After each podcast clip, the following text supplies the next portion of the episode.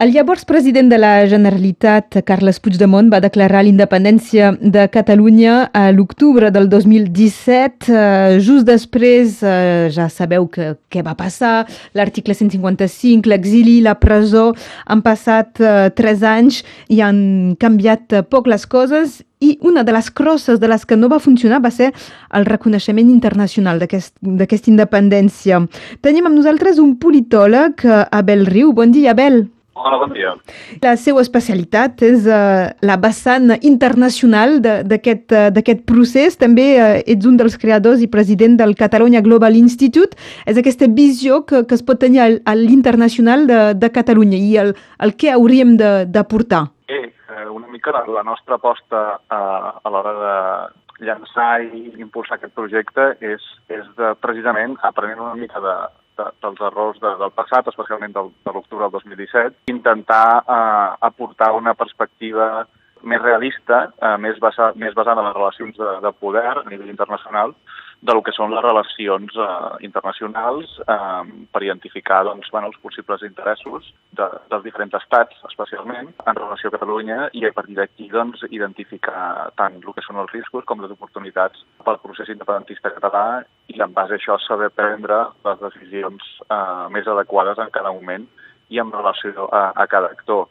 La, la gent que impulsem aquest projecte són bastant crítics amb la manera com es van fer les coses des del punt de vista internacional a l'octubre i bueno, una mica abans de, del 2017 eh, per part de les institucions, especialment per, per, per entendre que es va tenir una, una, es va pecar d'una perspectiva, d'una visió bastant naïf de lo que són la, les relacions internacionals, en tant que d'alguna manera es va assumir que pel fet de que Catalunya eh, defensava una causa justa, eh, una causa basada en valors i principis democràtics i, i, i, i abanderant a el que són els drets humans, doncs a partir d'aquí, especialment en el que és l'entorn de, dels països de la Unió Europea i de, de les pròpies institucions europees, eh, es entendria com una cosa positiva i de seguida es deixaria pressionar a l'estat espanyol perquè bueno, se seguessin a, a negociar alguna cosa amb, amb Catalunya eh, i sobretot a escoltar aquestes, aquestes demandes basades en principis i en qüestions relacionades amb drets humans. I és una evidència no va... que això que no, no, va, no va passar. Eh, la majoria de, de, de gent que, que seguia el, el procés de, de prop, la, totes les mobilitzacions, ho, ho pensava que hi hauria alguna, algun reconeixement. Eh, potser que el problema és eh, si els representants eh, oficials, si els polítics eh, pensaven també que, que, que arribarien aquests reconeixements internacionals quan si no era tot tancat abans? Bé, per lo que fa a la qüestió específica dels reconeixements, aquí hi ha dos uh, factors importants que, que cal tenir en compte. Parlem d'uns reconeixements que, en tot cas, si, si haguessin hagut d'arribar, haurien de, de, hagut doncs, això, després de, de la declaració d'independència de, de, pel Parlament ja aprovada uh, per majoria absoluta el 27 d'octubre. En base a això, no, hi havia doncs, per part d'alguns sectors una certa expectativa de que poguessin arribar a aquests reconeixements. Això es basa en, en unes premisses que, que són falses. Primer de tot, eh, perquè les pròpies institucions, o sigui, el propi moviment independentista, però especialment, evidentment, les institucions catalanes no van intentar implementar aquest, aquesta declaració de forma executiva, de forma de intentar contestar el territori, el, el, el control del territori de, de Catalunya a l'estat espanyol, Um, això no es va produir, no es van portar a terme, mm, no, no s'havien preparat, evidentment, plans de contingència, no es van executar en aquesta direcció, per tant, no va haver-hi un intent d'implementar, ni que fos de facto, aquesta declaració. No, no, no va haver-hi un intent de, de fer realitat, d'alguna manera, aquesta declaració simplement va quedar una mica en el, en el marc simbòlic, en el marc purament declaratiu, això d'una banda. Uh, I, evidentment, amb això, um, no, no hi ha cap estat que pugui tenir uh, cap interès en reconèixer una cosa que, que no existeix de facto. Uh, D'altra banda, és important uh, tenir en compte que no va haver-hi uh, una petició per part de les institucions catalanes de, uh, de demanar aquests reconeixements. Uh, a partir del, del, del referèndum de l'1 d'octubre, el que es demana a l'exterior, el que es demana a diferents agents, eh, institucions i, i particulars, inclús amb, amb una certa ascendència en alguns nivells, en diferents països, és una, una mediació, de fet. És una mediació i, i sobretot intentar pressionar l'estat espanyol perquè acceptessin doncs, una taula de negociació amb aquestes persones, aquestes institucions, aquestes personalitats fent aquest paper de mediadors.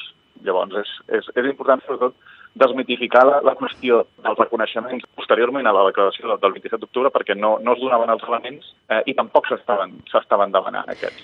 I en, aquests, I en aquests tres anys eh, i mig, l'imatge internacional de, de Catalunya, com penses que, que ha evolucionat? Hi ha, hi ha hagut diverses mobilitzacions, hi ha, hi ha hagut el moment del, de l'exili, la presó, el procés eh, judicial, eh, també eh, la qüestió dels eurodiputats que podien anar a tota Europa menys a l'estat espanyol. I, I aquest seguiment a l'internacional ha seguit o és nosaltres que ens mirem molt el que passa a Catalunya i finalment eh, la resta hi presta poca atenció? Bé, és evident que després dels fets de, del 2017 hi ha una davallada eh, en el que és l'interès internacional i el focus global pel que passa a Catalunya. Aqu aquelles setmanes de finals de setembre i, i de l'octubre del 2017 va ser un de les, una de les principals notícies a nivell mundial i, evidentment, eh, mandataris, eh, ministeris d'exteriors, governs, especialment a Occident, però arreu del món estaven molt pendents del que passava aquí, perquè era un tema molt seriós. I, de fet, es va aconseguir portar a terme un referèndum d'independència tot i l'oposició de l'estat espanyol. Vull dir, això és, és un tema, és molt important i és molt gros i cal posar-ho en valor. Llavors, evidentment, hi havia, hi havia bueno, no, no, no preocupació, però sí bueno, molt interès a nivell internacional pel que passa a Catalunya. És evident que després d'octubre i sobretot a partir de novembre-desembre baixa aquest interès hi ha una certa també hi ha un cert desconcert en relació a les expectatives que s'havien creat, perquè es va dir que es farien unes coses que finalment no es van fer. Es va dir que si es feia un referèndum d'autodeterminació i aquest eh, s'imposava en un resultat positiu, hi hauria una declaració d'independència, això avançaria cap a una implementació de la república, etc etc. Les setmanes que van seguir a l'octubre del 17, ah, perdó, l'1 d'octubre, el 2 i 3 d'octubre van ser de, de desconcert de caos i la credibilitat aquesta que havia guanyat el el moviment independentista ah, de cara a l'exterior, en tant que un projecte seriós capaç de posar contra les cordes de l'estat espanyol, va perdre molta d'aquesta credibilitat guanyada. I, I encara patim una mica d'això d'aquest dèficit de credibilitat en tant que bueno, eh, es van dir unes coses que no es van complir també per, per l'efecte de la repressió. I aquí és on entra un altre dels factors importants per entendre una mica com ha avançat la, la imatge internacional del moviment independentista aquests últims tres anys i mig. Hem perdut aquesta credibilitat que seguim sense recuperar, però a la vegada l'estat espanyol s'està està laminant, està erosionant la seva legitimitat, la seva imatge internacional com a estat democràtic homologable a altres democràcies occidentals. I això és un factor que és positiu en tant que eh, ajuda a entendre millor a fora els perquès, o un dels perquès de per què Catalunya vol esdevenir un estat independent, és que per poder tenir eh, unes garanties especialment pel que fa als drets civils i polítics de cara a la seva població. Són els vasos ah. comunicants aquests, no? De no poder mirar la situació de Catalunya sola, sinó que si l'imatge d'Espanya pel fet d'empresonar de, artistes, per exemple, se, se va deteriorant.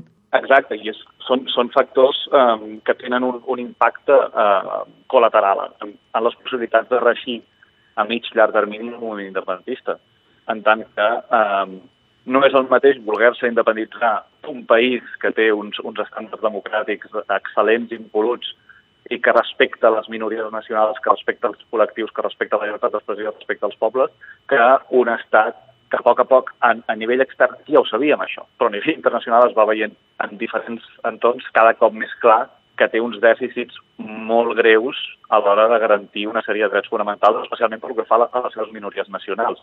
I el vot del suplicatori de fa eh, uns dies és una prova bastant fefaent que 300 eurodiputats, entre aquells que van votar en contra i aquells que, els va, que es van abstenir, diguessin no al suplicatori, es pot interpretar, en certa manera, també com un eh, no a la manera com l'estat espanyol està gestionant el conflicte eh, amb Catalunya per l'autodeterminació, no a la repressió, no a les vulneracions de drets civils i polítics. Parlem d'un gruix important del Parlament Europeu, parlem d'un 40%. Això és un precedent eh, bastant important que cal posar en valor i cal saber llegir, en, en que, eh, de nou, hi ha, hi ha una hi ha una visió creixent a, a l'exterior uh, sobre uh, bueno, aquesta, aquests dubtes uh, que genera uh, l'estat espanyol en tant que ha estat que és incapaç de garantir una sèrie de drets fonamentals. I això, evidentment, de retruc, doncs, té un punt positiu pel moviment independentista, en tant que, insisteixo, ajuda a, a que s'entenguin millor les demandes de, del poble de Catalunya. La visió exterior de, de Catalunya i de, i de la seva hipotètica futura república, eh, també aquestes relacions internacionals, si és una qüestió que, que us interessa, no dubteu en, en saber-ne més i, i en llegir la pàgina web del Catalunya Global Institute, avui n'hem parlat amb l'Abel Riu, i fins i tot eh, la gent podrà seguir en directe dimecres la, la vostra presentació que es fa des de Barcelona.